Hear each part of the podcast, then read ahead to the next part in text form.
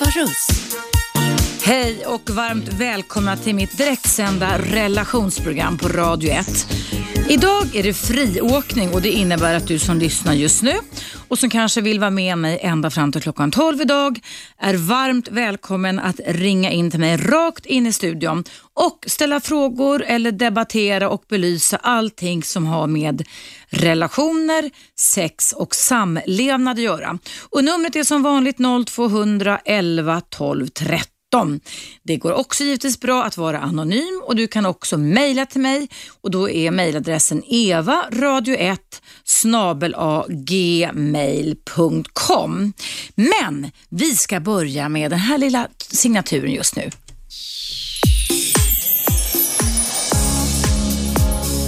Ögonöppnaren.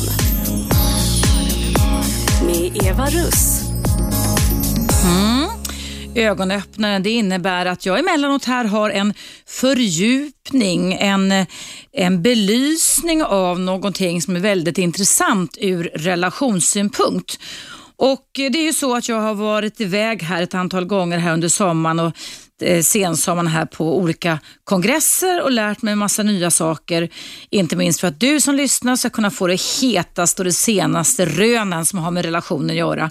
Men också därför att jag själv håller på och skriver en ny relationsbok och då måste man uppdatera sig väldigt mycket och då kom jag i kontakt med en studie som handlade om partnerval. Så är du intresserad av att höra den så ska du spetsa dina öron just exakt nu.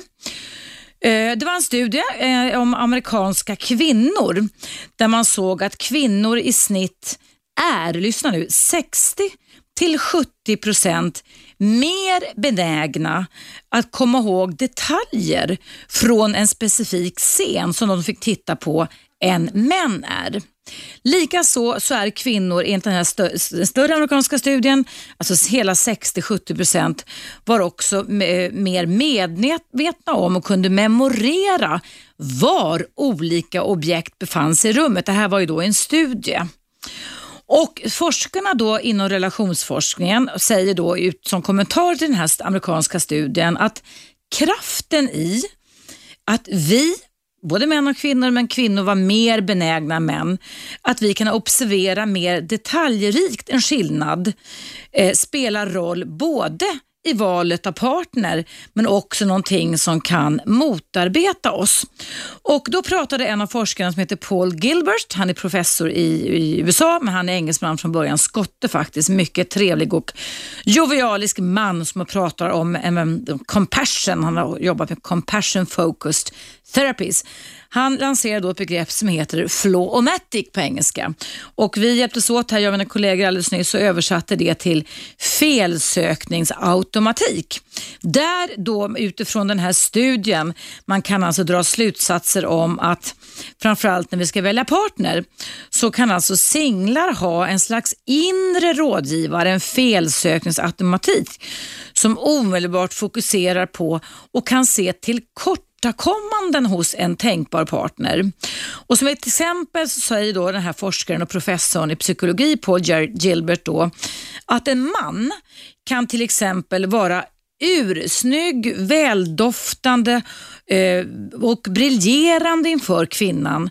Men om han skulle råka ha lite smuts på kavajen eller ha smutsiga armbågar eller smutsiga skor så dissas han ganska omgående enligt den här felsökningsautomatiken som vi har inom oss.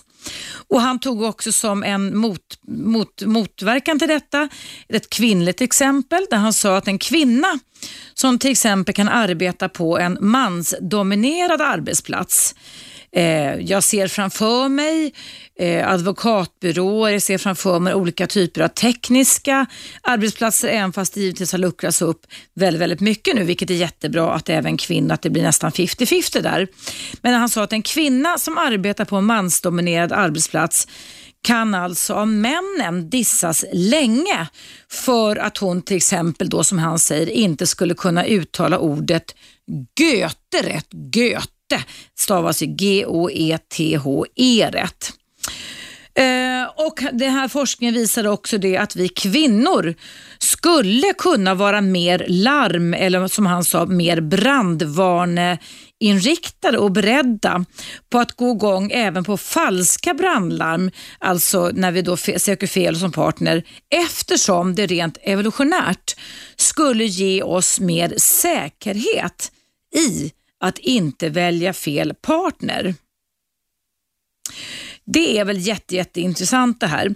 Och när jag eh, gjorde min singelforskning på Karolinska institutet som blev klar 2002, alltså exakt tio år sedan, så var det faktiskt nästan samma eh, rön som jag kom fram till i min singelforskning. Det handlade då om singelkvinnor i storstaden här i Stockholm som då hade denna flow-o-matic, alltså denna felsökningsautomatik som innebär då att tjejerna då som var i åldrarna 24 till 35 år då, de är alltså då 10 år äldre nu i alla fall, var experter på att både välja ut bra män, det var då när nätdating hade börjat eh, och många, eh, liksom idag, kanske ännu mer idag, men då i alla fall hörde av sig till dem, så kunde de här tjejerna dissa killar efter en hel kvälls trevligt umgänge, fika, gå på bio, ta promenad, vara på restaurang, så kunde de dissa dem därför att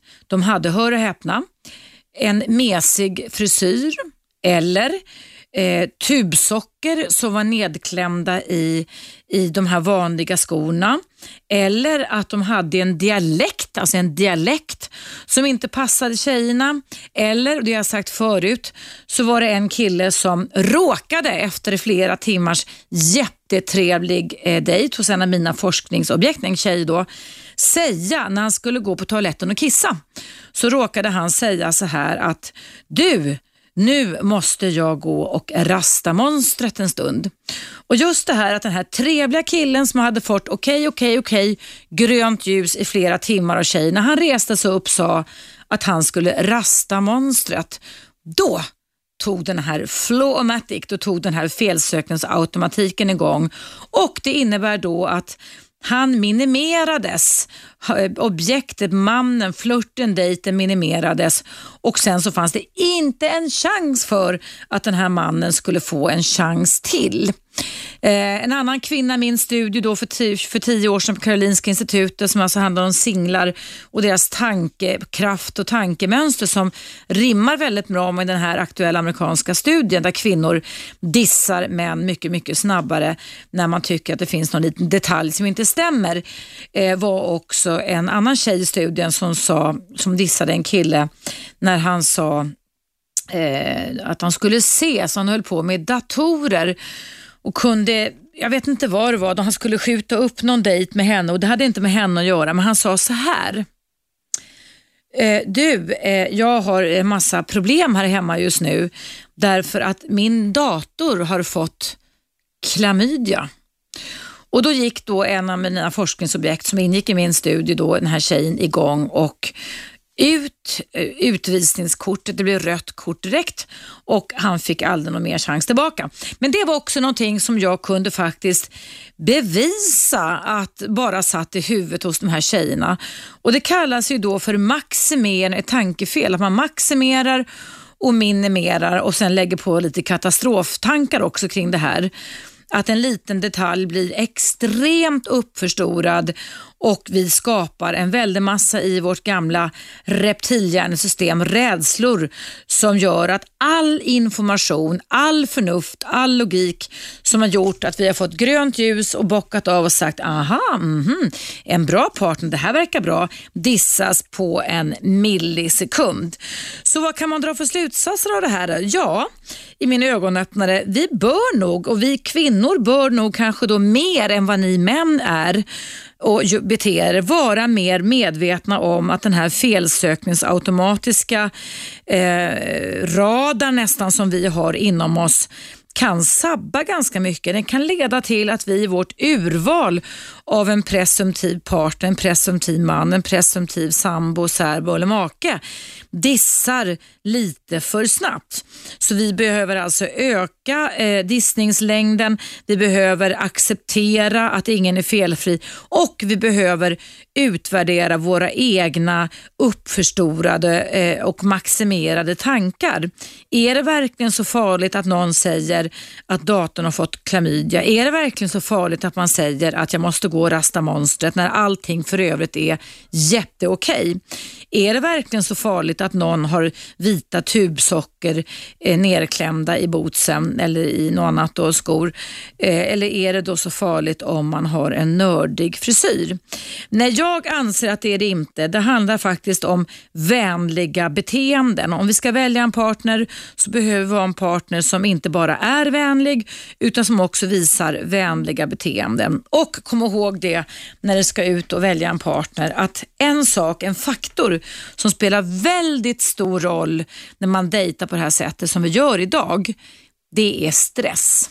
Så stress kan faktiskt leda till att vi många gånger ibland låter just grodor hoppa ur munnen och det kanske bara sker en gång. Och tänk om du då är en sån som den här amerikanska studien visade 60-70% som dissar för snabbt. Tänk om man dissar drömprinsen eller drömprinsessan för snabbt. Vad har du för erfarenheter kring det här? Ring in till mig i pausen som kommer nu, 0200 11 13 så får du och jag prata lite mer om just de här fenomenen.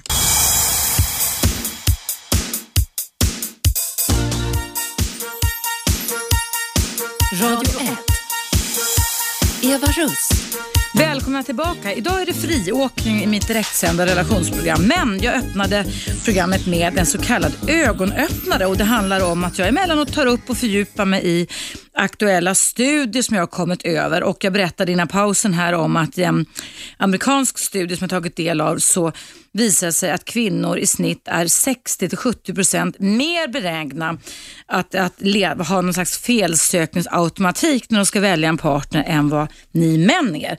Och då frågade jag er vad det här väckte för tankar och då eh, ringde Jonas upp mig. Hallå Jonas! Tjena. Tjena! Vad väckte det här för tankar hos dig? Nej, men jag, jag tror inte det där är enbart kvinnor. Jag, jag tror det där gäller nog alla, eh, båda kön. Mm. Både hen, hon och han. Men eh, jag tror att man... Så här är det. När man träffar den som känns rätt, då finns det inga fel på den personen. Alltså det, det är så löjligt vilken skillnad det är eh, när man... Jag tror att man letar med för mycket med, på utseendet. Mm. Eh, och, men när man väl träffar den här personen som då stämmer in helt klart, då ser man, har man, hittar man liksom inga fel. Jag, jag, jag tror på det här snabba ögon... Alltså att, oj vad det... För jag var inne i den här svängen ett tag och träffade tjejer och mm. liksom det var bara, jag hittade fel direkt. Du gjorde det? Ja. Ja, du vet direkt. Det är liksom fem minuter.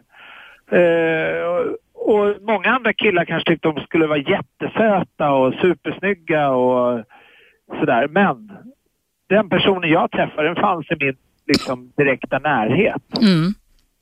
Och, vad, vad, dissade du för någonting då Jonas då, när du var så snabb? Det var, det var allt ifrån to, fotsvett till... Eh, fotsvett på tjejer? Har du, har, alltså... nej, men, nej, men jag kunde tycka att det luktade fotsvett. Jaha, okej. Okay. Du var jättekänslig för feromoner, dofter alltså? Ja. Nej, men det är jag inte. Men just då var jag väl det. Men jag ja. reagerar på det. Sen kanske inte var hon, för vi satt på ett café. Så att, men eh, sen, eh, sen var det jag tror egentligen inte att tjejer är mer kräsna än killar. För jag, som jag har förstått det, i alla fall i Stockholm, så finns det väl ett överskott på tjejer mot killar. Mm, mm. Och Nej, men jag tror att vi letar alldeles för mycket. Jag tror vi letar, det är väl det som är fel. Mm. Men du, om du tänker på de tjejer som du då eventuellt har dissat Jonas ganska snabbt. Om du, nu, vet, nu sa du till mig här i pausen att nu lever du och är väldigt nöjd med din partner i en relation. Men Tror du med eftertankens kranka blekhet att det skulle kunna vara så att du har dissat många drömprinsessor också? Nej, alltså jag måste nog säga så här att det ska, det, man, det ska, alltså, det ska kännas så rätt. Mm. Och är det så att jag retar upp mig på någonting, då var det inte rätt. Alltså. Mm, så mm. Det, det, när allting stämmer, mm. då, då, finns det liksom inga fel. de felen som egentligen kanske saker man retar sig på, de, de bara försvinner. Mm. Det stod ju, det tog ju Gert och Kim upp i sitt program i dagens Aftonbladet att en brittisk studie sa att man har 15 sekunder på sig att fånga, fånga sin partner. Alltså, det stämmer säkert jättebra för det, det som var så sjukt var att den här tjejen jag träffade då, vi har gemensamma bekanta och sådär och... Som du är tillsammans med nu Jonas? Ja, precis. Mm. Ja. Och vi skulle inte... Vi skulle gå ut tillsammans och vara liksom så här coacha varandra lite så när vi skulle träffa tjejer och killar och man kunde ringa och snacka. Det var liksom två singlar som skulle hjälpa varandra. Mm, mm. Och tanken var absolut inte att vi skulle... Men helt plötsligt så bara satt bara hon och jag och pratade liksom. Mm. Vad roligt. Hur, hur länge sedan var det som ni blev ett par Jonas? Fyra år sedan. Vad roligt. Där ser man. När man minst anar det, men då, då kanske ni slappnade av också och inte kände er stressade och pressade gentemot varandra, eller hur? Ja, det var ju nog det att vi letade inte där Nej. när vi pratade. Utan då pratade vi bara. Mm. Och Ja. sen blev det som det blev. Härligt, vad roligt. Och ni är lyckliga tillsammans också? Grymt bra. Åh, vad kul att höra. Eh, Ja, jag kom från ett långt förhållande på 18 år innan. Mm. Så att, eh, jag, jag trodde att allt var slut, liksom när ja, det pajade och barnen var ledsna. Och, Mm. Men eh, det visade sig att det... ja, när, man min, när man minst anar det så kan man Ja. trilla på kärleken. Vad kul att prata med dig Jonas. Tack så jättemycket för din åsikt och tack för att du lyssnade på radiet. Hej då! Tack, Hej, hej, hej. hej. Ja, kära lyssnare, det är friåkning kring relationer, sex och samlevnad. Numret är 0200 11 12 13. Nu ska jag se vem som ringer här. Hallå, vem är där? Ja, tjena. Matte här. Hej Matte, välkommen.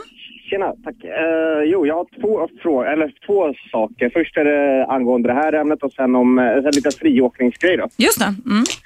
Eh, det här fenomenet har jag varit med om när jag var yngre. Eh, att man, F- Felsökningsautomatiken som drar igång, Flowmatic som det heter i studien. Ja. ja, exakt. Att man hittar, eh, eh, le, le, hi- hittar småfel på tjejen liksom. Det var typ, kunde vara så här små miner och alltså jättekonstiga grejer. Ansiktsuttryck, konstiga som bara, nej hon först, det, alltså jättekonstiga grejer som jag Mm. störde mig på. Som, eh, men det där har jag vuxit ifrån nu. Och, och vad, vad tror du nu efteråt Matte, bara för att göra en liten ovetenskaplig undersökning på just dig som gjorde det här. Vad tror du du var rädd för? Eh, jag vet inte om, om det var det här att, man skulle, att det skulle vara perfekt. Mm. Det var väl det. Jag vet inte. Det var jättesjuka grejer som kunde göra mig avtänd. Alltså eh, uttryck och ja, som jag sa ansiktsuttryck. Alltså bara jättesjuka grejer. Alltså. Mm, mm. Det där, jag vet inte vad det där kan vara. Det, det kanske, man kanske växer ifrån det. Eller man, eller man lär sig att leva med det kanske. Jag vet Mm, inte. Alla är mm. inte perfekta. Så. Mm. Eh, sen var det min friåkningsfråga. Just det. Det är ett eh, grej som, ja det var en kompis till mig som sa det. Ehm, att jag har väldigt, alltså sen efter han sa det då vaknade jag till själv att ja, det, det stämmer. Mm. Ehm, jag tröttnar väldigt lätt på saker. Mm. En- Det kan gälla eh, hobbysar eller förhållanden. Ehm, när jag väl har fått någonting Mm. som jag har kämpat för. Och när jag väl har fått det, då lägger jag bara ner det. Då har Mm. jag tröttnat på det. Då vill jag gå på nästa utmaning igen. Förstår du? Gäller det även relationer, Matte? Precis. Mm. Hur, länge, hur länge, hur lång tid tar det innan du tröttnar som regel mellan tummen och pekfingret? Lite mindre än ett år kanske. Okej. Om, eh, Mm. Det kan ta ett halvår också. Okej. Och, och då kan du ha haft ett år med någon, om vi bara tar relationsaspekten just nu, Matte, då, då har du haft Ja, ett, ett, bra, ett bra år då eh, med den, här, med den här tjejen då, eller Eh, jo, men det har varit bra. Det är alltid spännande i början och allt det där. Men det där spännande och allting, det försvinner så snabbt för mig. Och sen dör allt bara. Sen tröttnar jag bara. Mm. Och så blir jag tråkig och oftast då så är det tjejen som gör slut. Ja, för att hon märker väl i dina beteenden att du inte engagerar dig längre, eller hur? Ja, exakt. Så att du, du överlåter omedvetet till henne att hon ska hålla i rodret så att hon kan göra slut, så slipper du göra det. Exakt. Det brukar Men vara så ibland. Ja. Men det, det sjuka är sen, ibland, Mm. är att när hon väl gör slut, Mm. då springer jag tillbaka. Ja, och det här är en jätteklassiskt relationsproblem. Får jag coacha dig lite kring det? Har du tid att stanna kvar efter pausen? Ja, ja, det är ingen fara. För det, det, där, det här känner jag igen. Det är nog många där ute som kan känna igen sig i den här problematiken. Och eh, jag kan säga att det här handlar mycket, väldigt mycket matte om att eh, dels vilken personlighet man är, hur du har formats va? och det kan vi inte göra så mycket åt liksom egentligen. Va? Men det handlar väldigt mycket om eh, vad du tänker kring det här. Alltså dels vad som sker i ditt inre när det börjar lida, om man säger omedvetet, mot sitt slut när du har haft en relation i närmare ett års tid. Ja. Och, och sen när du säger det här, jag sitter och skriver här när jag lyssnar på dig, du säger att allting dör.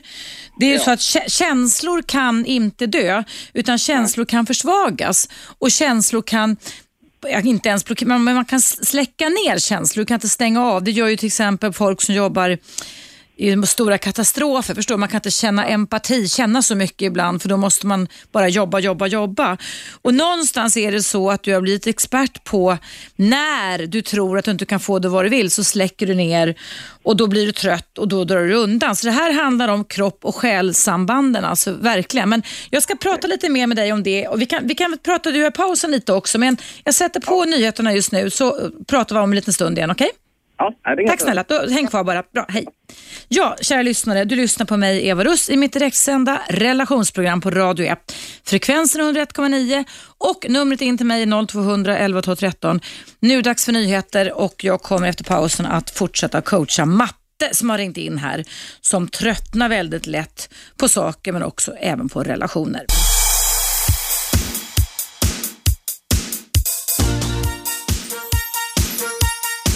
Radio 1. Eva Russ. Välkomna tillbaka. Idag är det friåkning och det innebär att du precis som Matte som jag ska fortsätta prata med här alldeles strax kan ringa in till mig på 0200 11 12 13 och ställa frågor som har med relationer, sex och samlevnad att göra. Och eh, jag ska se om Matte här sitter trofast kvar. Hallå Matte! Hallå, hallå. Tänk vad fint att du har tid att stanna en stund. Eh, Du ringde in till mig här i pausen. Vi kan säga att du är 28 år gammal, eller ung Ja. kan man kalla det. Ja. Och du upplever att du vid tre, i alla fall tre tillfällen i ditt relationsliv har en tendens till att tröttna lite för snabbt. Så att efter ungefär ett år så tröttnar tjejerna på dig och då gör de slut åt dig istället för att du gör slut åt dem om man säger så. Eller åt dig själv. Ja. Du, du sa att du hade svårt att göra slut. Och då, Ja. då frågar jag dig då liksom, eh, kan det vara så Matte att du någonstans, alltså jag, jag tänker så här, hur uttrycker du dina egna behov? Hur pass viktig ser du dig i en relation? Hur kretsar dina kran- tankar kring det? Din egen viktighet och egen rättighet? Jo, men det är väl viktigt. Det är väl både och, tycker jag. Eh, för båda. Att man ska få, få sin vilja igenom hur man vill ha det och sådär. Mm. Men jag tänker på känslomässiga behov, för det är oftast känslomässiga delarna som ställer till bekymmer inom oss. Att vi kan ha rädsla för att uttrycka olika saker, att vi tror att vi inte har rätten eller makten att göra det och så vidare. Ja. Eh, jag förstår inte riktigt hur du menar då. Jag tänker så här, när du i en relation som har pågått sig ett halvår av och så är det ett halvår kvar innan du börjar tröttna som du säger. I- Kan det vara så att du anpassar dig lite för mycket till tjejerna och, och inte riktigt talar om vad som händer inom dig i tankar och känslor? Ja, jo men så är det Absolut. Och vad tror du att det grundar sig på för föreställning hos dig om dig själv? Har ingen aning faktiskt. För att anpassa sig är en form av strategi, förstår du? För att man liksom ska, att om jag, om jag anpassar mig så kommer det inget farligt att hända. Eller om jag anpassar mig, eh, vad har du eh, vad har du för erfarenheter sedan du var liten kring det här att anpassa dig? Har du några minnen kring det? När du växte upp? Nej, inget sådär specifikt faktiskt. Nej. Nej. Jag inte. Men, men om vi bara hoppar till nutiden då. Du säger när, att du kan tröttna snabbt och lätt på saker och att dina känslor dör, sa du ju inledningsvis till mig Matte. Dör de bara pang i i en relation eller dör de successivt långsamt? De dör rätt sakta, gör de. Ja. Och vad kan det vara som kan börja att utlösa det här döende känslorna som du uttrycker dig i en relation? Jag vet inte, men det är som där, äta hamburgare en hel vecka. Man tröttnar till slut. Ja. det, är något sånt där bara. Det Ja. bara mattas ner. Så det kan vara små saker som du känner frustrerad och irriterad på kan man säga? Ja, kanske. Men ändå så har jag ändå haft bra tjejer tycker jag. Jo, jo men, alltså, men om, du nu ser, om det är någonting som du blir irriterad på eller frustrerad på, Ja. vad gör du åt det då? Trycker du undan det och ler eller säger du ifrån? Nu har vi ätit hamburgare här en vecka, jag har fan ingen lust att äta hamburgare mer en vecka till. Det där är nog olika. Det var på vad, vad saken gäller. Men oftast så brukar jag eh, brukar bara le och... och Exakt. Och det är också en, Matte, om det kan vara bra för dig att känna till, det är också ditt din strategi eller din livsregel och överlevnadsstrategi att le istället för att säga som det är. Förstår du? Att, att alltså, låtsas vara anpassad men då trycker du liksom ner känslor av irritation och frustration också som förmodligen lagras ganska ordentligt inom dig. Ja, exakt. Ja. Om du tänker att man stoppar en kappsäck full, en ryggsäck full med och sen till slut så kan det vara så att du kan bli explosivt förbannad och göra slut eller, eller elak mot tjejerna, lite dum och sådär eller? Nej, nej absolut inte. Det är du inte, nej. Bra. Nej, inget sånt. Jag Nej, godhjärtad. Du blir godhjärtad, ja. Men när du väl har börjat tröttna och liksom sett någonting du är irriterad på men du låtsas att allting är okej. Ja. Hur lång tid kan det ta innan tjejen märker att du är liksom inte närvarande?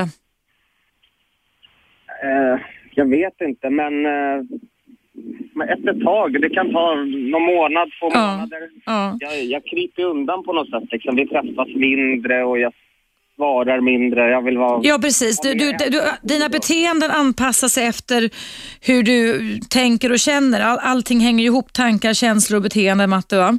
Ja. Eh, har du, men du har aldrig någon gång gjort någon ansträngning och säga, vänta, vänta, nu är jag på väg utförsbacken här, va? nu håller det här på att ta slut och försöka hitta på något al alternativt beteende då, eller?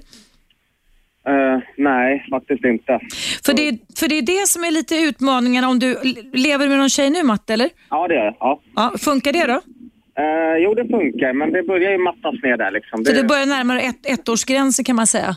Ja, precis. Ja, och, och då, det är där, här har du världens möjlighet. Om du skulle vara min klient, vilket vi kan säga att du är lite snabbt så här nu på Radio 1 i direktsändning Matte, så skulle jag säga då att när du får de första signalerna, att börja lära känna dig själv lite bättre, på att du börjar tröttna, så skulle du stanna upp lite i dig själv och fråga sig, vänta, vänta, vad är det jag tänker just nu?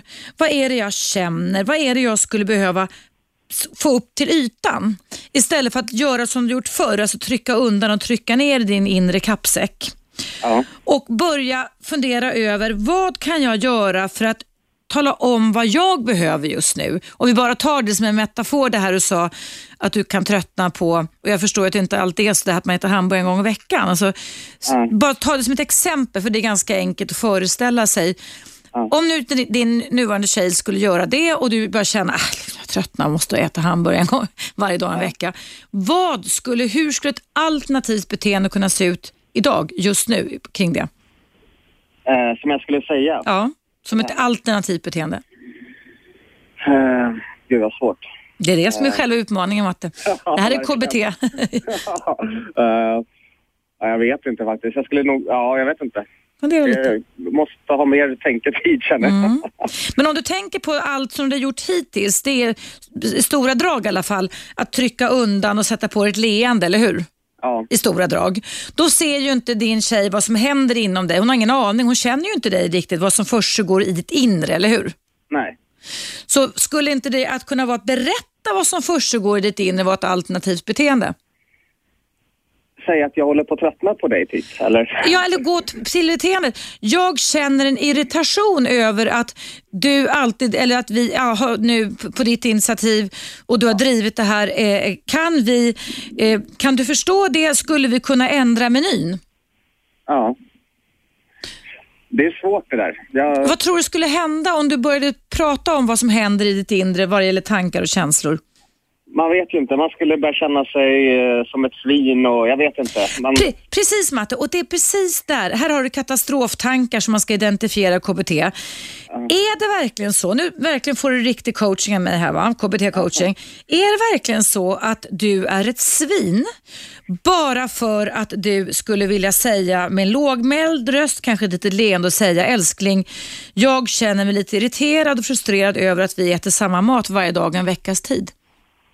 Nej, eh, egentligen inte. Nej, det är bra. en god tanke. Det är en god tanke och det är ett sätt för din partner att kunna förstå hur du funkar. Men så länge som du inte säger hur det funkar och uttrycker dina behov och tror att det händer en massa farliga katastrofer så kommer du att nästan få, som du säger, du blir deprimerad nästan. Va? Inte, alltså, det, många säger ju det inom min värld att depressioner i viss mån kan ses som omvänd vrede. Förstår du? Att man liksom blir som en tryffelgås, att man stoppar ner en väldig massa behov och känslor och frustrationen bara väck, växer. Men man har lärt sig att det inte är okej att säga det man behöver.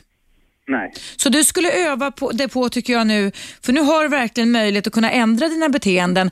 Så fort du känner att du blir trött, för det är din signal, din trigger. Ja. Så här, nu börjar jag bli trött. Om du tänker en skala 0 till 10 där mycket trött är 6-7 då i sådana fall. Okej. Där Ja. du märker en förändring i ditt inre känsloliv. Då ska du stanna upp och säga, vänta, vänta. Vad är det jag blir trött på just nu? Vad skulle jag vilja säga som jag inte törs? Och är det verkligen så farligt om jag skulle säga det här? Vad är det värsta som kan hända? Mm. Och börja mala de frågorna lite in i, i, gentemot dig själv. Ja. Nej, det, är ju, det, är inte, det är inte farligt att säga eller fråga saker eller säga till. Det är det inte egentligen. Men det är det här, då kommer tårarna och så ska det, du vet, allt det här. Ja, men det kan du hantera därför att tårar är ingenting farligt. Tårar är bara den personens subjektiva sätt att uttrycka känslor på.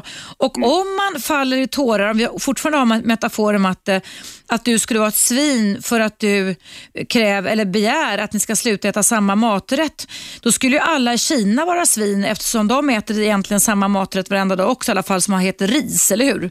Ja, jo, ja. Och alltså om man sätter in saker i en proportion så tänker jag då att om en, nu en person skulle börja gråta, skulle hon dö av gråt då eller? Nej, det är ovanligt. Eller hur? Kan gråten gå över så att man torkar tårarna, Matte? ja. Ja, ja. du ser. Skulle, skulle det kunna, till och med kunna vara så att det finns ett scenario som du utesluter, nämligen att tjejen säger så här. Va? Oj, det tänkte jag inte på. Jag har alltid ätit hamburgare sju dagar i veckan. Eh, nej men absolut, vad skulle du vilja Matte att vi, att vi åt istället? Ja, det skulle väl också kunna komma fram på... Eller hur? Det är ett Ja. annat scenario. Och vad tror du avslutningsvis Matte att det skulle i sådana fall kunna få för betydelse för dig? Om du möttes av de orden av tjejen. Då hade jag känt mig mycket tryggare och ja, kunna prata liksom. Ja, och tror du att du hade blivit trött och frustrerad eller som du tror att du hade fått några andra typer av känslor i kroppen? Um, nej, jag vet inte. Nej. Men sannolikheten är större i alla fall att du inte skulle bli trött. För det är liksom det här när du styck, st- trycker undan tryffelgås, kappsäckskänslorna, eller hur? Ja, att jag tar tag i problemet. Ja, att du tar tag i problemet istället. Så det är faktiskt mitt råd till dig, eh, KBT-råd, att börja ge akt på när trötthetskänslorna kommer, stanna upp, fråga dig själv vad just du behöver, vad du skulle behöva säga och testa tankarna om det verkligen är sån katastrof som skulle inträffa och om du kan klara det om du skulle säga vad som sker inom dig. Ja, Prova det i små, små saker. Varje gång du känner trötthetskänslan så kan du väl återkomma och berätta hur det går. För jag tror att det kan rädda din, dina relationer om det för övrigt är en bra relation du har just nu. ja vi får väl hoppas det pröva det i alla fall och berätta sen hur det går. Det vore jättekul att få följa dig Matte. Jag ska lova att ge ett försök. Gör ett försök. Toppen. Bra. Lycka till. Tack för att du ville vara med mig. Hej då. Hej. Hej då. Ja, det var Matte som jag fick KBT-coacha. Nu är det dags för en liten paus här på Radio 1. Men det är friåkning så du kan ringa in rakt in i studion i pausen. 0200 11 12 13.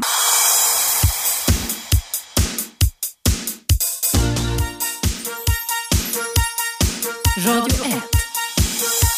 Eva Russ. Varmt välkomna tillbaka. Idag är det friåkning och det innebär att du kan göra som Matte gjorde nyss och som Kenny, som jag alldeles strax ska prata med, kan ringa in till mig och belysa och debattera och ställa frågor som har med relationer, sex och samlevnad att göra. Och numret in till mig i studion är 0200 11 12 13. Och innan jag pratar med dig Kenny så ska jag bara läsa upp ett jättekort mejl här angående mapp det som jag fick coacha här som tröttnade för snabbt även i relationer. Så står det så här, det är från Nina.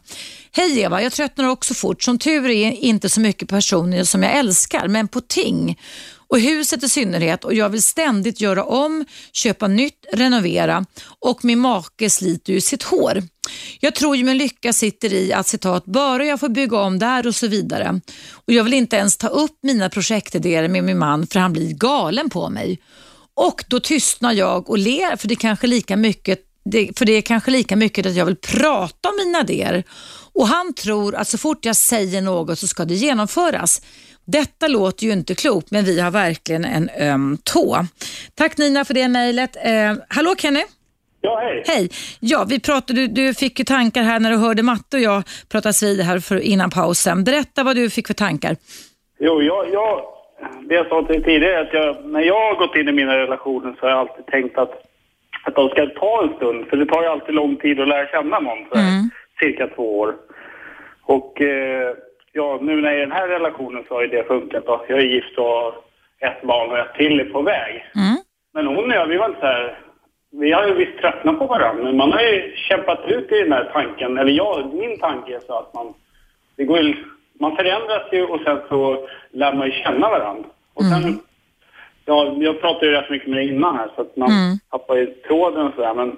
eh, inte ett... ett ehm, Men jag, jag, jag frågade dig Kenny då, jag tänkte Matte eh, tröttnade ju eh, förmodligen av någon slags föreställning hos sig själv, antagande om att, att det kunde hända någon katastrof om han skulle uttala sina egna behov och önskningar.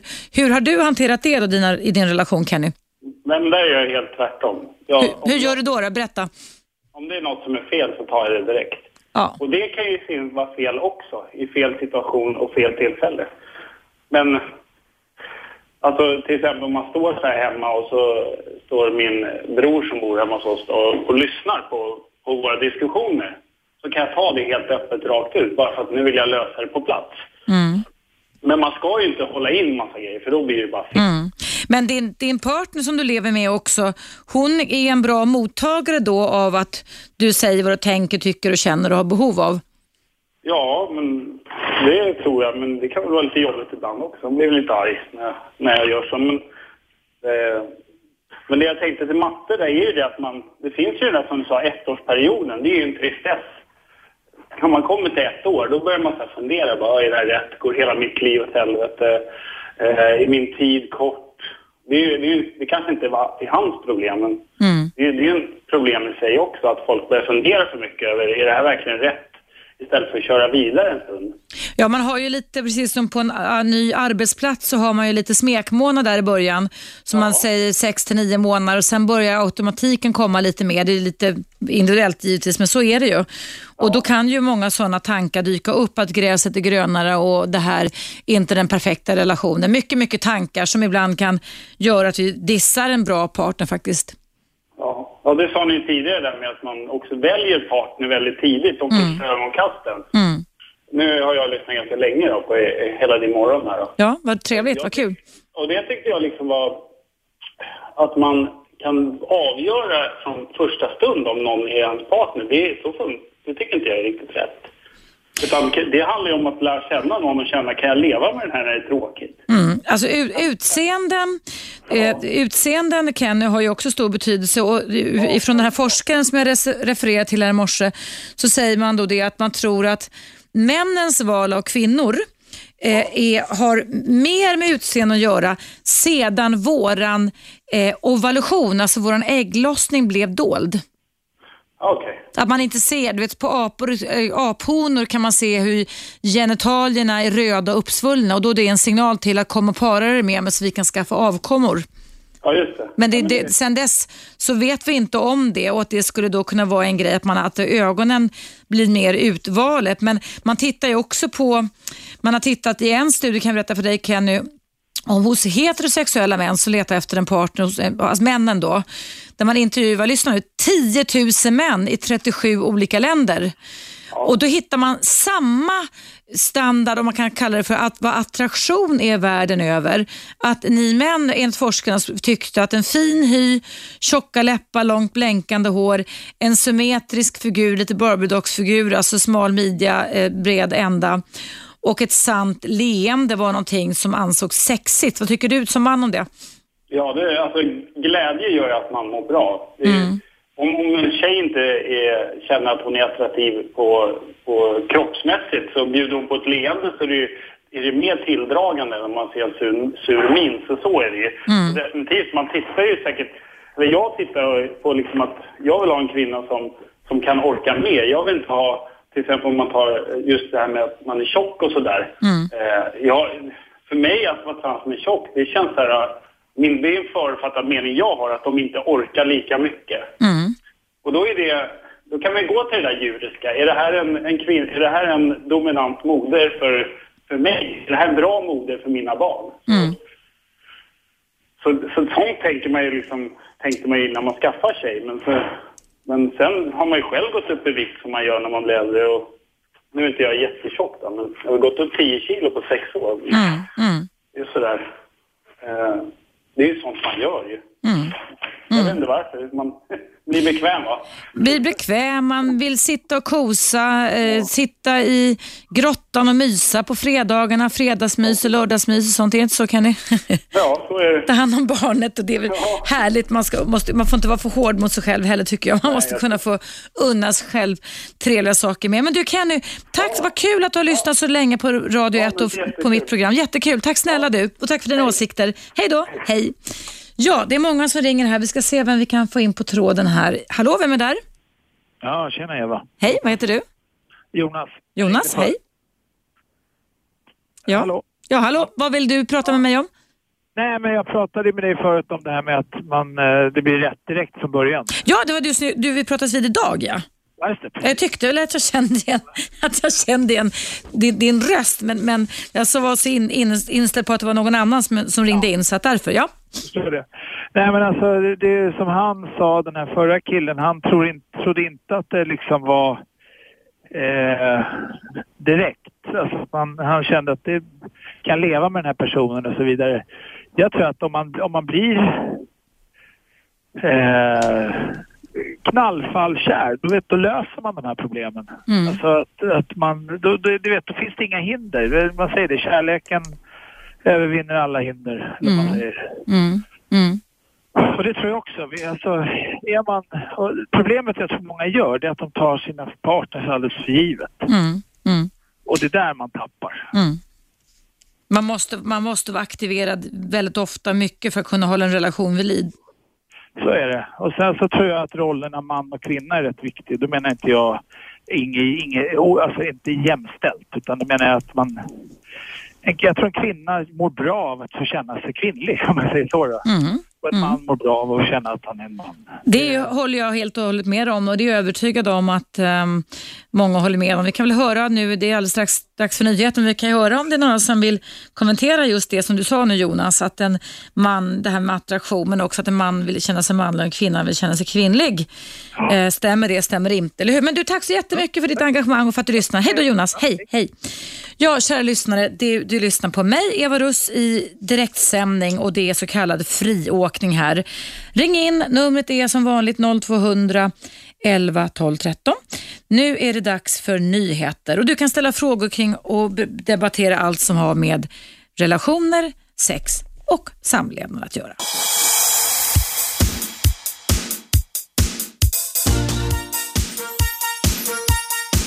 Radio 1. Eva Russ. Välkomna tillbaka. Idag är det friåkning kring relationer, sex och samlevnad och vi har kommit in på eh, intressanta åsikter vad det gäller partnerval och hur vi eh, kan tröttna i relationer. Jag hade tidigare ett lite längre samtal med Matte och alldeles innan pausen så pratade jag med Jonas. Men nu ska jag prata med Rickard. Ska vi se. Hallå Rickard! Hallå, Hallå! Hej, välkommen! Tack, tack. Eh, det är ett förhållande, det, det kan vara jättefint. Det kallas för smekmånaden första månaden. Mm. Och det jag menar att om man ska bygga ett förhållande då ska man bygga det på längre sikt. Och det, det är det som eh, alla människor i dagens läge har ett stressat beteende och flyr gärna undan istället om du stöter på problem. Mm. Istället för att arbeta då med förhållandet och eh, verkligen eh, ge det en chans. Jag menar, det, du kommer ju de här olika cyklarna, treårskrisen, vad är det, sjuårskrisen och sen är det tolvårskrisen och sen så vidare. Och det. Men det här handlar ju om att man växer ihop med den personen man eh, lever med och det blir ju din bästa bäste vän. Inte bara kärlekspartner utan det blir en bäste vän också. Du ska kunna prata om allt också. Det verkar som att vi är många, jag har själv tänkt på det Rickard, har ibland tycker jag ser en tendens som relationsexpert att folk bara är så impuls eller luststyrda hela tiden. Så man står inte ut med att man kan vara trött när man har varit ute och jagat på savannen. Som, som, alltså förstår att då katastrofierar vi otroligt mycket över att relationen är dålig och hamnar i svartvitt tänkande. Ja, jo, men den är inte sämre än du gör den själv. Nej. Det är lite så också. Så jag menar, det, det är någonting som du är med själv och skapar, både som man och kvinna. Och har man inte den relationen med varandra, att man kan prata med varandra om sådana problem som man tycker att du, nu tycker jag vi har det jävligt tråkigt. Det är sällan vi har sex och allt sånt där. Vi måste hitta på någonting. Ta en, eh, försök att göra någon utflykt. Gör någonting om man inte har pengar. Ta en picknick i skogen. Gör något romantiskt enkelt. Åk iväg till Paris om man har pengar. Jag menar, allt, det, det är bara fantasin som sätter stopp för ett förhållande, hur man kan få det. Och det är, det är väl det de här killarna då som har pratat med dig, att de, eh, de tycker det är slentrianskt då, då att det, det, det är därför. Och sen väntar han ut då att eh, det är bättre att eh, parten gör slut så att han tröttar ut dem. Och det är helt fel, för då, då kan det ta hur lång tid som helst. Eh, tid är mycket värd i dagens... Eh, Det är det verkligen. Och just det här som du säger också att vi måste aktivera oss själva. Att ingenting går av sig självt. Alltså vi, vi, vi, om, vi ska, om vi ska få något så måste vi göra en investering också i en relation. Självklart. Och det, det, du får ingenting gratis. Så är du inte eh, alert nog och gör de investeringarna med din partner och eh, diverse motinvesteringar Mm. Då är det ju frågan om, man, eh, om det blir så att man är bägge två, då kanske de har vuxit ifrån varandra eller tröttnat på varandra och då är det väl lika bra att gå där vidare då. Mm. Annat. Ja. Jag håller helt och hållet med dig Rickard. Tack så jättemycket för dina åsikter och tack för att du lyssnade på mig på Radio 1. Okej. Ha en bra dag. Hej, hej, hej. Ja, kära lyssnare, du kan göra som Rickard och Jonas och Matta har gjort, ringa in. Och ni tjejer kan väl höra av er också. 090 200 11 12 13. Jag började mitt friåkningsprogram idag kring relationer och refererade till en eh, en amerikansk studie där man, forskarna kom fram till att vi tjejer, vi kvinnor i snitt är hela 60-70% mer benägna att bli felsökare när vi ska välja partner. Att det ibland kan både gynna oss men också motarbeta oss. Man säger ju rent evolutionärt, det är ett ord du ofta hör mig säga här, att vi kvinnor egentligen då är mer kräsna eftersom vi då får lov att investera, som det oftast har varit här på våran jord, som honor, som mammor i avkomma mer eftersom det är vi som väntar barnet i magen i nio månaders tid och är påverkade av det här. Vi är upptagna ett, ett, två år kan man väl säga av att få ett barn till att komma till på jorden. Och då är det viktigt att vi väljer en kar som kan ge oss det som vi behöver, nämligen det trygghet, en trygg hamn och vi kan lita på någon som eh, finns där för mig. Eh, jag har fått mejl här och du kan också göra som Robert har gjort. Mejladressen är evaradio1 snabel a gmail.com. Jag ser att det ringer här men jag ska snabbt läsa upp Roberts mejl. Det står så här. Hej Eva, jag är en kille på 55 år och har dejtat en hel del under några år via dejtingsidor. Jag har haft tur att lyckas charma flera kvinnor som i tre fall resulterat i förhållanden. Men på grund av deras familjeförhållanden eller ryggsäckar svartsjuka fått mig att lägga ner. Något väldigt, något väldigt intressant i dagens ämne är att felsökningsfenomenet och, och en stor nonchalans frodas mest här i Stockholm. I en chatt så dissas du blixtsnabbt av till exempel ett stavfel eller ett annorlunda ordval. Vet att det skrivs en massa otrevligheter till tjejer men att man blir misstänkt och dissad, dissad på grund av att man är korrekt i skrift och ordval. Har på kul provat flera olika taktiker och uppföranden i studiosyfte som visat mig att Stockholmssyndromet är tragiskt. Med vänlig hälsning Robban. Och Då tror jag Robban att du menar inte Stockholmssyndromet som myntades på 70-talet när man rånade Handelsbanken på Norrmalmstorg där eh, flera ur gisslan, den kvinnliga gisslan började sympatisera med rånarna som väl var Clark Olofsson bland annat, utan alltså där man tog rånarnas parti, kidnapparnas parti, utan du menar alltså Stockholmssyndromet i ditt mejl till mig, att det handlar om att vi är, har den här felsökningsautomatiken ute.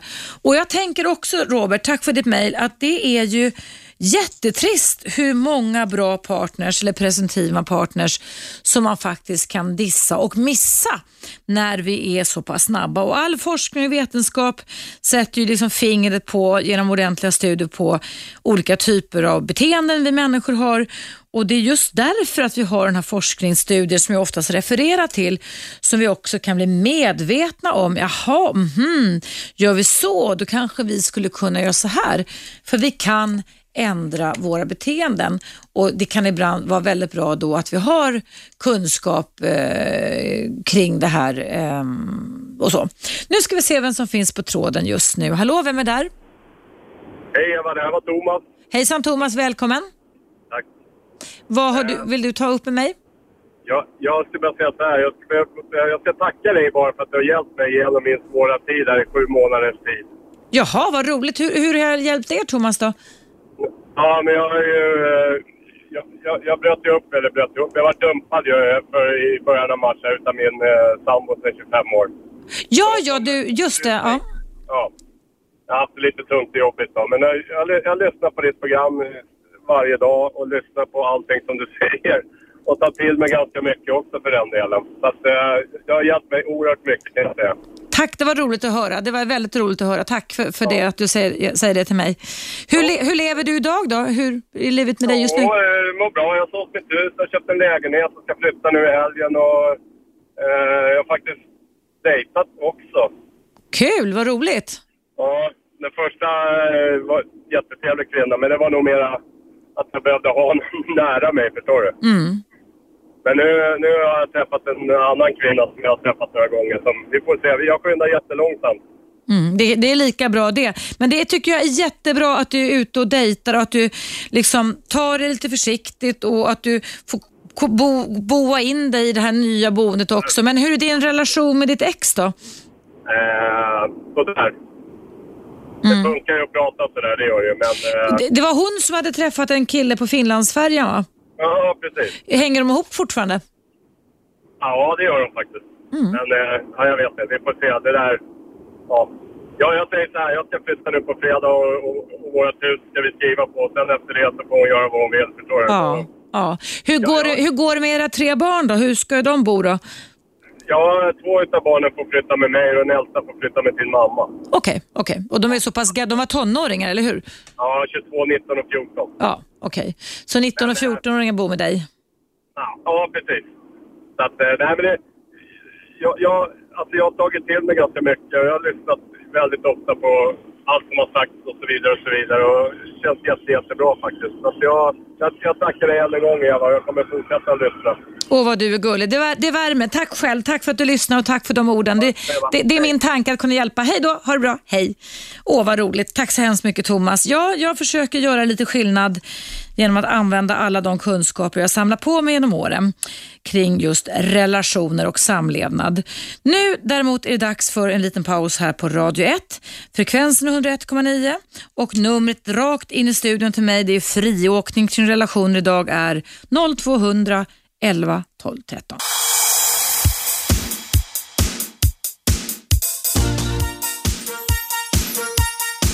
Radio 1.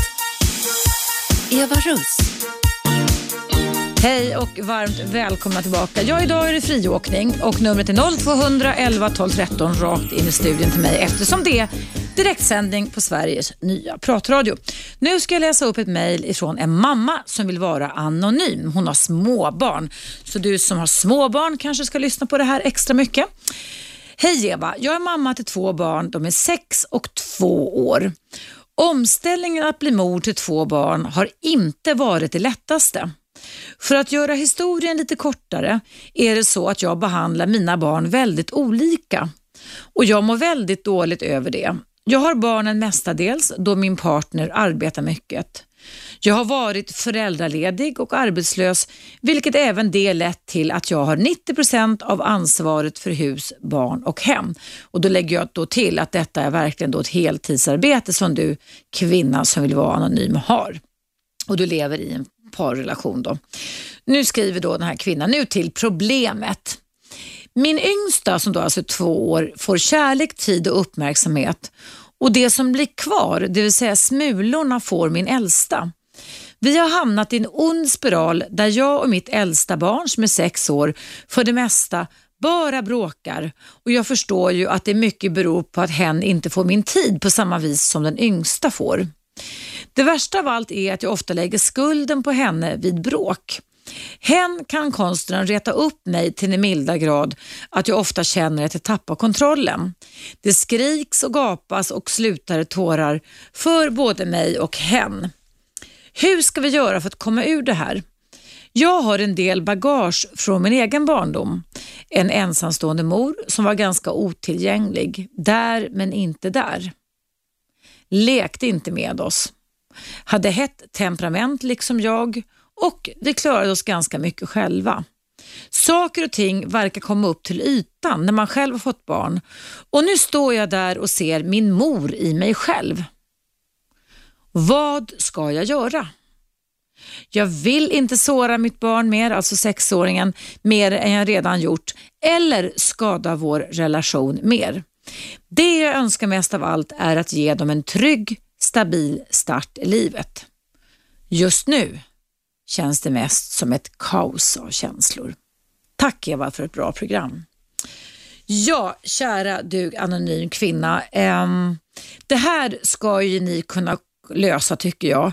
Bara det att du har mejlat in till mig och faktiskt kan se på dina egna beteenden med lite distans och även ifrågasätta lite uppkomsten till just dina egna beteenden är faktiskt ett stort kliv framåt. Så det här problemet kommer inte vara omöjligt att lösa, men det krävs lite planering för det. Vad jag tänker på först och främst det är då att ehm, eh, en sexåring oftast är inne i trotsåldern och kan reta gallfeber på en förälder så att man tror att man trappar kontrollen eller man upplever det så och blir galen. En sexåring som har ett tvåårigt syskon kan också ridas av syskonavund, av syskonsvartsjuka, vilket kan leda till att när de ser att det är lilla syskonet som inte klarar sig lika bra som sexåringen själv, så kan en liten sexåring faktiskt medvetet mer eller mindre provocera föräldern, alltså tänja på gränserna och provocera föräldern. Och sen ligger det också då i den ålders utvecklingen. att man är i det man kallar för trotsålder, man är avig mot föräldern. Och som du är hemma, du anonym mamma här till 90 procent, så är det du som stå, får stå i skottgluggen för barnens alla typer av reaktioner. Um, att du inte leker, att din mamma inte lekte med dig och jag vet inte om du leker med dina barn, det tycker jag nog är, är helt okej. Okay. Alltså, som mamma behöver man inte leka med sina barn i tid och otid. Oftast har jag sett, och det kanske ni slår ihjäl mig för, men att det finns en psykobiologisk skillnad där, att vissa pappor ibland tar på sig den rollen lite mer än vad vi mammor gör. Eh, mormor, jag är själv mormor till ett barnbarn som är tre och ett halvt. Jag leker hela tiden med honom. Men när mina tre nu vuxna barn var små så lekte jag faktiskt nästan ingenting alls. Då tog jag hand om dem, vi hade skoj och vi lekte men jag höll inte på och lekte hela dagarna med dem eftersom jag var tvungen att sköta ruljansen precis som du som har mejlat mig hemma. Eh, men vad jag tycker du ska göra det är att du skulle kunna kontakta en kontakt på, på barnavårdscentralen, heter det väl då, en förskolepsykolog eller någon, eh, bara för att få lite rådgivning, eh, för att få lite avlastning, för att få lite träning till det här. Det kan ibland vara skönt att få gå iväg, precis som du gör när du mejlar till mig, att få känna sig exklusiv när man faktiskt kan känna sig lite uppäten av att ha barn som är minderåriga. Det kan man göra för en delen också om man har tonåringar hemma runt omkring en. Sen tänker jag då också att vad du skulle behöva göra kanske, det är att ställa lite krav på din man att du framförallt just nu behöver egen exklusiv tid med just sexåringen. Att du och sexåringen kan göra egna saker tillsammans utan konkurrens av tvååringen. Fika, gå och simma, ta en promenad. Det behöver inte vara någonting som är kostsamt utan det handlar om att vara tillsammans, upptäcka löv i skogen nu när hösten har kommit, samla, samla ekollon, eh, kastanjer, fika, ha en picknick en timme eller två. Och där skulle du kunna berätta för ditt barn att du är ledsen. Du kan säga alltså mamma är ledsen för att jag skriker för mycket och en sexåring kan faktiskt delvis ta till sig vad man säger. Det är mycket bättre att man säger till sitt barn vad man tänker, även om de inte kan upp till mognadsnivå, än att man håller tyst. För håller man tyst som förälder, då lägger man över ansvaret på det lilla barnet som får ägna sig åt en slags gissningslek. Och de har inte samma referensramar eftersom man är minderårig och bara sex år gammal. Så det kan bli jätte, jättefel om man inte sätter ord på vad man egentligen menar. Jag kan avslöja för dig som mejlar in till mig och du som lyssnar att jag har gjort självklart en väldig massa fel när, jag eh, växte, eh, när mina barn var små och när jag kände mig provocerad. Jag var utarbetad, jag var stressad, jag kanske var sjuk, jag var olycklig, jag hade dålig ekonomi och så vidare. Det fanns en massa olika stressorer som kunde leda till att jag själv tappade kontrollen. Och En sak som jag fortfarande ångrar bittert, det är väl 26 år sedan, för min dotter är nu 32 och hon var då 6 år gammal och hade en lillebror som var två, precis samma ålder, det är fyra år mellan dem. Det var när jag tyckte att hon då i sin trotsålder som sexårig flicka var riktigt jävlig. Nu var hon, hon var en väldigt duktig, eller anpassningsbar och fin flicka. Men hur det liksom brast för mig och hur jag sa att jag jag tänkte, om, om inte hon skärpte sig, så tänkte jag åka ut till Skärholmens loppmarknad som fanns då och sälja henne på loppmarknaden. Och Jag kan bara säga så jag kan inte begripa hur jag som mamma, jag tycker jag är klok, jag tycker att jag är empatisk och, och sympatisk och månar om mina barn. Hur i helskotta kunde jag bli så provocerad så jag hotar mitt eget barn att jag ska sälja henne på Skärholmens loppmarknad. Och Det där ångrade jag i princip direkt när jag hade sagt det. Men det satte spår. Jag förklarade för min dotter att jag menar verkligen inte det. Jag, men, jag kommer aldrig göra det. Men det där tog hon upp flera gånger under sin uppväxt och kände som mamma, är det sant? Kommer du att sälja mig på Skärholmens loppmarknad? Och den finns ju inte kvar längre då, men den låg utanför Skärholmen i ett garage under. Den var jättestor och den var ganska häftig. Jag tror att den ligger i Vårberg nu, som en annan söderförort, tror jag i alla fall. Men hur som helst så provocerades jag kring detta. Men för mig blev det liksom en varningssignal att nu måste jag, precis som du som har mejlat in till mig, skärpa mig och börja se över mitt liv. Hur har jag egentligen och hur tar jag det egentligen när jag har för mycket omkring mig, när jag är slutkörd och stressad. Man ska ju aldrig som jag gjorde hota att sälja sitt barn på någon loppmarknad. Nu gjorde jag givetvis inte det och jag bad om ursäkt och jag har fått äta upp det där många gånger under hennes uppväxt. Idag kan vi skratta åt det, men då var det inte så roligt när hon var liten. Men jag som sagt var, jag kanske skulle haft mer avlastning då med. Och eh, Jag tycker då att du, för att återkomma till du som har mejlat in till mig som en slutkörd småbarnsmamma, Prata med mödra, eller barnavårdscentralen heter det väl, eller också kanske det heter någonting annat nu för tiden. Förskolepersonalen, förskolepsykologen. Inte för att du är knäpp eller konstig eller psykiskt sjuk, utan därför att jag tror att de känner igen det här problemet som har både med dig att göra, er livssituation, arbetsbörda att göra, du, du det tyngsta lasset, men också med barnets mognad och barnets utvecklingsstadium att göra. Och kanske också avund och svartsjuka gentemot ett syskon som barnet upplever har fått mer exklusiv uppvaktning än vad det själv hade ifrån när man var ensam herre på täppan. Så att det här kommer ni att kunna lösa.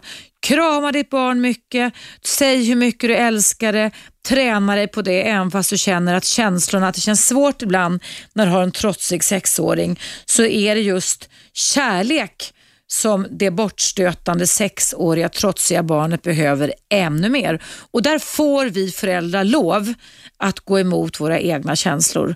Krama mera, berätta mera vad du tycker om hos dem och försök att ge sexåringen mer exklusiv tid tillsammans med dig. Ställ krav på din man att nu får han ställa upp lite mer hemma och ta hand om tvååringen så att ni kan göra saker tillsammans, hitta tillbaka till varandra igen. Faktiskt precis som man får lov att göra i en vuxen parrelation tror jag kan hjälpa er jättemycket. Men ta gärna några samtal hos förskolepsykologen så att du själv kan få lite avlastning kring det här, tycker jag Eh, är viktigt för dig. Tack så jättemycket för det mejlet som du har mejlat in till mig och hör gärna av dig igen om du anonym kvinna inte tycker att du kommer någon vart. Nu är det då dags för nyheter här på Radio 1. Du lyssnar på mig, Eva Russ, i direktsändning och det är friåkning kring relationer, sex och samlevnad. Och numret in till mig är som vanligt, det kan det nog det här laget, 0200 11 12 13.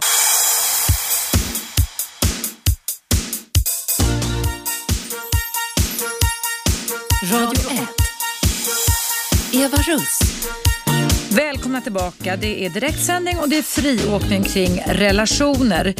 Eh, jag inledde mitt direktsända program idag med att referera till en studie där man pratade i USA om att kvinnor i mycket, mycket högre grad än män när man ska välja partner har en form av felsöknings automatik som man bör ge akt på eftersom det innebär att man kan dissa väldigt många bra män. Och Då har jag fått ett mejl ifrån en man som heter Dalneris som har skrivit så här. Hej Eva! När jag var i USA för tre år sedan så läste jag en datingbok och den beskrev tjejers dissbeteende som ett filter som de har omedvetet som finns där för att räkna ut de opotentiella grabbarna för att hitta rätt partner. Men den har en så kallad backfire, för den omedvetna egenskapen styrs av känslor och inte förnuft. Vilket gör att rätt många väljer fel och räknar, räknar ut de snälla, bra och tillbakadragna killarna. Vad kan man säga om detta Eva? Är detta sant? Ja, Dalneris, jag håller helt och hållet med dig därför att våra partnerval utgår ifrån vilka gener vi har fått med oss, det kan vi inte förändra så mycket, men också vilken social kontext och känslomässig omvårdnad, på vilket sätt all, alla dessa olika bitar tillsammans har skapat det som utgör vår personlighet. Och där har vi, vi är inte lika vi människor, där har vi olika sätt hur vi tänker på, hur vi känner på och hur vi beter oss på. Och Det spelar ganska stor roll många gånger att vi omedvetet går igång på gamla känslomässiga modeller som den gamla reptilhjärnan har lagrat alldeles för mycket och övat alldeles för mycket på. Till exempel rädsla, skräck, ångest, oro och då får tankar i den nya hjärnan som blir uppförstorade och alldeles för starka och för mycket för katastrofalt inriktade. Och Kan vi då, tricket för den moderna människan är faktiskt att hitta en balans där, att inte låta de gamla delarna av hjärnan bli så sanna och rimliga alltid. Att försöka öva upp någon slags nollneutral statuskänsla men också försöka öva upp eh, att ifrågasätta om det jag tänker men även känner verkligen stämmer. Är det verkligen rimligt att katastrofiera och måla upp sådana starka faror som man gör bara för att en person råkar ha fel frisyr eller fel tubsocker på sig. Ja, det gäller dejten det. Nu ska vi se vem som ringer in. Hallå, vem är där? Hallå, vem är där? Hallå ja. Hallå, hej, vem är du? Ja, tjena, Tobbe. Hej Tobbe, välkommen. Tjena, jag satt och lyssnade på ditt program igår Ja, och blev lite mer eller mindre skitförbannad. på vad då? Jo, det är nämligen så här jag har gått igenom en skilsmässa och min advokat han höll ju på att säga upp sig. Ja, Och då är det så här att som, det var ju en, eh, en tjej som du pratade med som, som, eh, hade en som hade ett ex som hade skaffat en ny och de hade hållit på och strulat och så hade det tagit slut och så hade han inte intresserat sig för barnen. Och ja just det, du, som hade, han varit gift fem, sex år och sen tog det slut och sen en ny kvinna igen direkt ja. ja. Ja, sen så skaffade han en ny relation och då gick ju hon in och tyckte att han skulle inte göra det. Mm. Alltså, ni tänker ju inte på barnen i det där programmet. Hur menar du då? Ja, men ni, ni pratar ju bara om de vuxna. De vuxna människorna, det är vuxna människor. Kan inte de ta hand om sig själva, då är det upp till dem. Men man måste för fan tänka på barnen. Mm. Fast det var ju det, om jag minns rätt då Tobbe, så för jag tror jag kommer ihåg det här mejlet, det var så att hon ville att man skulle tänka på barn. Hon ville prata med sin exman om det. Och Och det vad som händer i hans hem, ja. det har hon inte med att göra. Fast det tycker jag att hon har eftersom nej, de är, det. Nej, det- barnen är det. minderåriga så, om man har delad vårdnad. Ja, Ja. Det spelar ingen roll, för min advokat sa till mig att jag kan inte gå in och styra vad som händer i hennes hem. Inte styra, nej inte styra Tobbe, men man kan ha en kommunikation kring det. De hade ju tydligen haft en ganska hyfsad kommunikation tidigare. Jo, men du tyckte att det var bra att hon sa till honom att han inte skulle skaffa en ny relation. Nej det sa jag inte, så sa jag inte. Jag sa att hon kunde diskutera, hon kunde berätta för honom vad hon tyckte och liksom ha en kommunikation eftersom han hade sökt upp sig till henne för att han ville ha råd om man skulle skilja sig eller inte. Alltså de relaterar till varandra som vänner. Jo men, jo, men sen så hade han, efter två månader så hade han skaffat en ny relation. Ja. Och det tyckte hon var fel. Och det är mycket möjligt. Min fru, min gamla fru, hon Mm. Ja. tyckte också att det var fel. Hon styrde och ställde. Jag sa till henne, det var som händer i mitt hem. Det har, det har jag definitivt inte med att göra. Eller du inte med att göra. Och vad som händer i ditt hem, det har inte jag med att göra. Mm. Fast det gäller ändå om omvårdnaden om barnen och i det här fallet så hade de ju en kommunikation.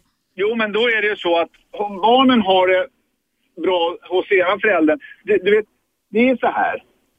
När det är barn man har att göra med så är det ju väldigt viktigt. Jag vann på, på det sättet att jag hela tiden tänkte på barnens bästa. Mm. Jag tänkte på vad barnen, hur, hur barnen mådde. När ni skildes då Tobbe, är det det du säger? Ja. ja. Och det sa jag, det sa jag i rätten också. För då säger den här domaren att ja, en lycklig mor är en bra mor så barnen ska vara hos henne. Och då säger jag, skit i vad, vi är vuxna människor. Mm. Vi är två vuxna människor. Kan inte vi ta vara på oss själva, då ska vi ju söka hjälp någonstans. Mm. Det som är viktigt i det här läget är att barnen mår bra. Mm. Och jag tänkte bara på barnen. Hela tiden tänkte jag på barnen. Jag sket fullständigt i mig själv och allting. För att mår barnen bra, Mm. Då kan jag också... Fast det var ju det Tobbe som den här kvinnan var oroad över, att vad det får för konsekvenser för barnen när pappa byter partner så snabbt. Jo, men sen var det så här också. Sen hade du en som hade tonårsbarn. Mm. Som... Eh, det var tonårsbarn. Och då så hade de eh, eh, inte så bra relation föräldrarna emellan. Det var, var det inte det där, där pappan gjorde tvärtom och stängde ner all kontakt med mamman? Ja, Tror jag det var. Ja. han stängde ner all kontakt med mamman. Och när ungarna är tonår, ja men vad fan, man behöver inte ha någon kontakt föräldrar emellan. Mm. Där, håller inte jag med dig i och för sig. Jag tycker att i synnerhet då behövs det verkligen eftersom det är väldigt mycket experimenterande och tändande på gränserna när man är tonåring. Och, Ja, men du har, ju, du har ju den relationen där att när du har flyttat isär mm. så har var förälder för sig har sina egna liv. ja, fast man har ett gemensamt ansvar för de gemensamma barnen man har. Ja, men han har ett... Har man gemensamma Mm. om man har en gemensam vårdnad, då har du ju alltså, in, som förälder så har du inblick i skola, du har inblick i alltihopa vad som gäller barnet. Du behöver inte ha den kontakten med den andra föräldern. Mm. Fast man har absolut rätt och det tycker jag man kan göra genom att kommunicera, överföra budskap Tobbe och fråga, är det här verkligen så bra? Kan du liksom ta det lite lugnare för barnens skull när man omsätter partner så snabbt menar att en, en försvinner ut som har präglat barnens liv. Det var minderåriga barn, små barn och sen efter två månader så flyttar nästan in en ny person i pappans liv. Det är det jag menar, det blir för snabba kast för många barn. Ja, självklart att det blir snabba kast. Mina barn hade en väldigt jobbig eh, separation. Mm. Och jag, jag var ute och körde lastbil ute i Europa. Men jag har bättre koll på ungarna än vad deras morsa hade. Mm, så kan det vara. bodde. Hur gjorde du det då? Hur genomförde du det? Ja, men jag hörde av mig till ungarna varenda dag. Mm. Jag ringde till dem jag kollade hur det var med dem och jag kollade med alltihopa. Och höll koll på skolan, jag höll koll på allting och det gjorde jag alltså nere från Europa. Mm. Hur, gamla, hur gamla var dina barn då Tobbe? Ja, vi skilde oss när de var ett och ett halvt år. Så pass små alltså? Ja, okej. Ja. Mm. Och sen när de var, när de var 14-15 år, eh, då stack de från morsan och så flyttade de hem till mig. Okej. Hur gamla är de nu då? Nu är de 24 och 23 år. Okej. Ja. Du Tobbe, eh, vi, tack, tack för dina åsikter. Det här är ju Åsiktsradio. Tack för dina åsikter och för att du lyssnar på programmet. Ha en bra dag. Hej då. Hej. Ja. Ja, kära lyssnare, det är dags för den här lilla pausen som kommer med, kan man väl säga, viss, viss regelbundenhet på Radio 1. Numret in till mig rakt in i studion. Det är friåkning kring relationer är 0200 11 12 13.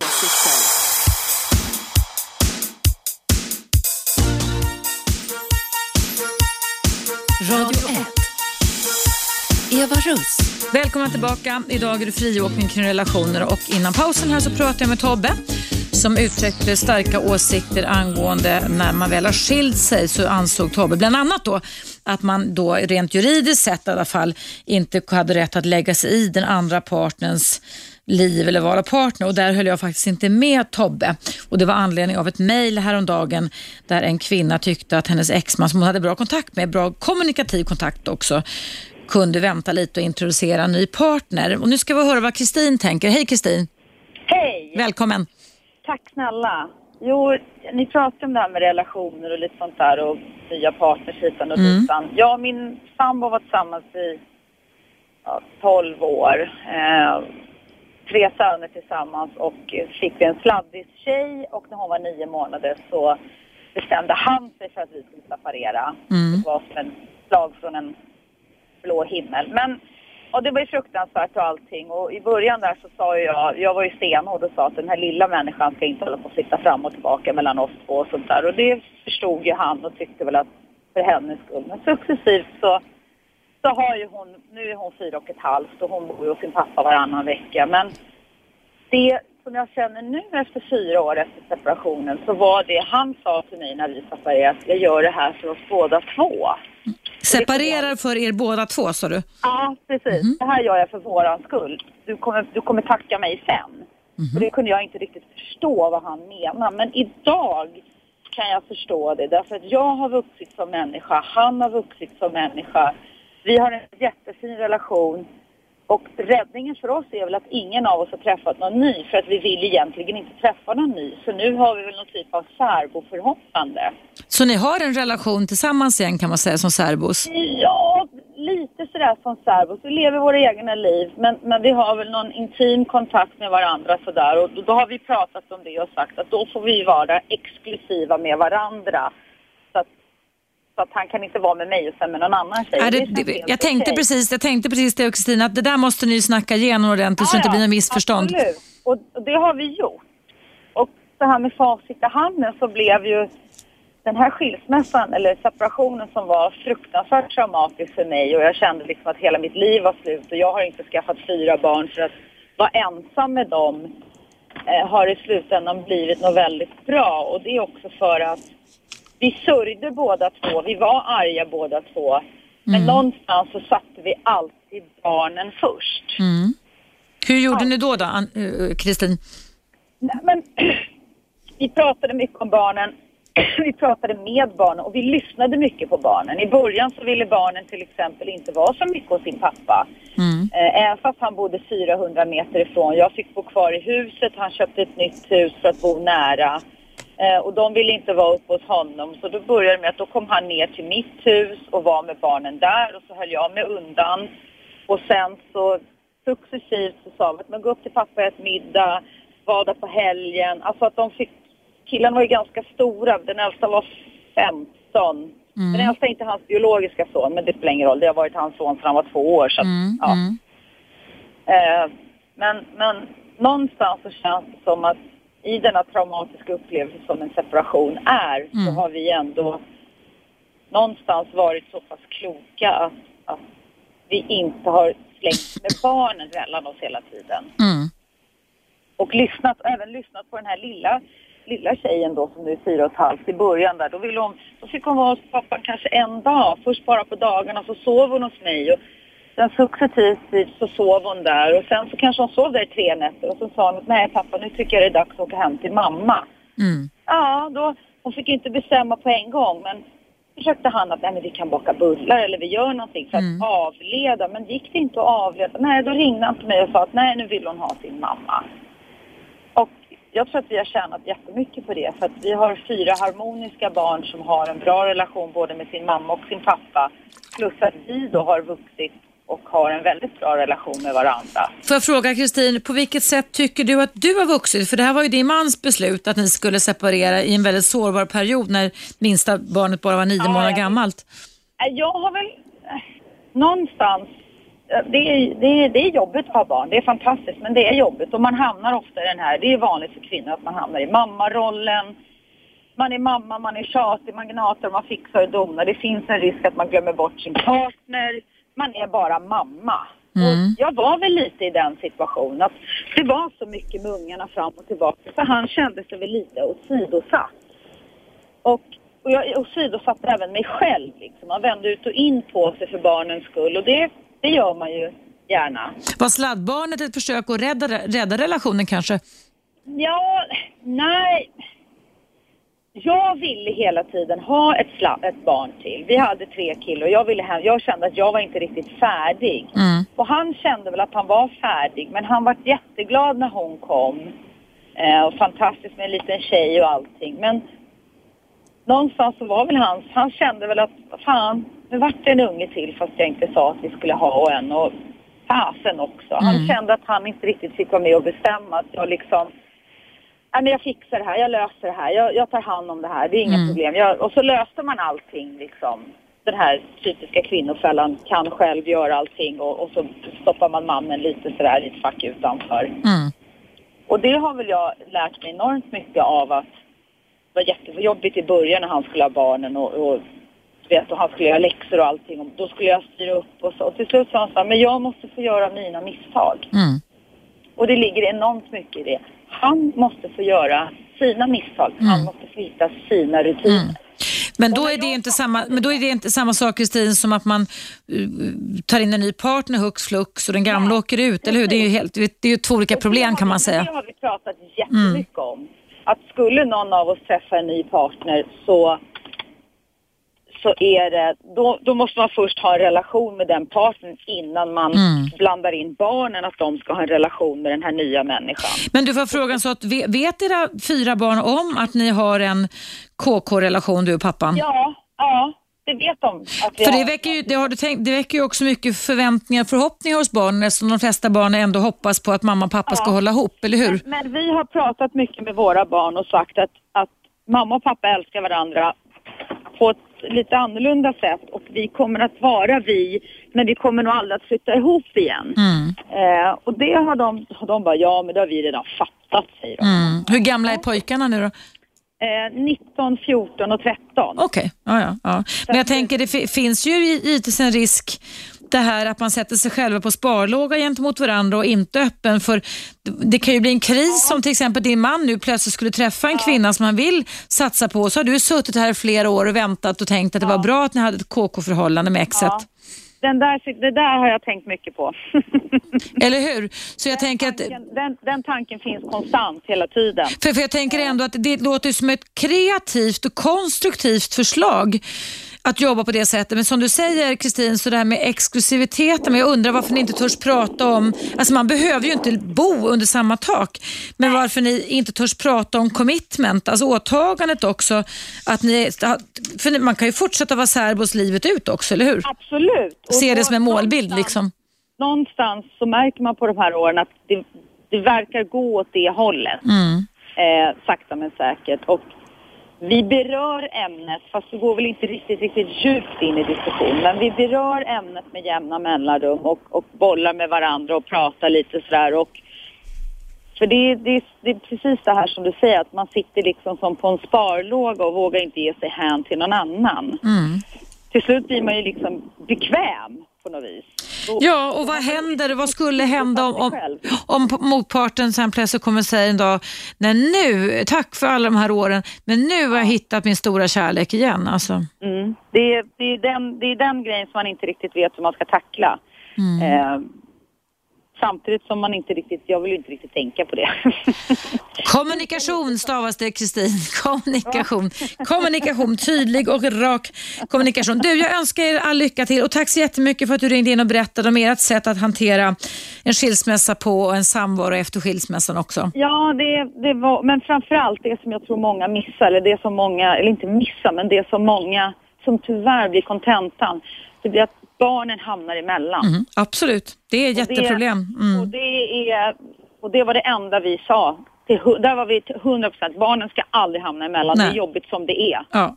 De, man får inte hålla på och bolla med ungarna. Det Nej. det är förbjudet helt Ja. enkelt. Håller helt och hållet med dig. Du, lycka till, men kanske ni ska vara lite tydliga med kommunikationen i alla fall. Ha det jättebra, Kristin. Tack själv. Tack. Hej då. Hej. Ja, vad roligt. Där får då mitt samtal med Kristin sätta punkt för idag. Vill du lyssna på mitt program i efterhand så går det bra att göra det via Radio 1 Play. Eh, via appen kan du alltid lyssna och eh, eh, det går också i repris varje vardag. Alltså dagens program går i repris klockan 19 varje kväll. Och eh, på vardagar alltså, sen är det ett urval av programmen på, på helgerna. Och har du förslag på ämnen och idéer om vad du tycker jag ska ta upp som har med relationer att göra kan du alltid ringa till vår åsiktstelefonsvarare som står på dygnet runt och numret dit är 0200 11 12 12. Därmed vill jag tacka så jättemycket för mig idag. Jag vill tacka er, alla er som har lyssnat, alla ni som har ringt in och mejlat in till mig och gjort det här programmet precis så bra som det bara blev idag. Jag hoppas vi hörs på återhörande imorgon igen. Ha en bra dag. 101,9 Radio 1. Sveriges nya pratradio.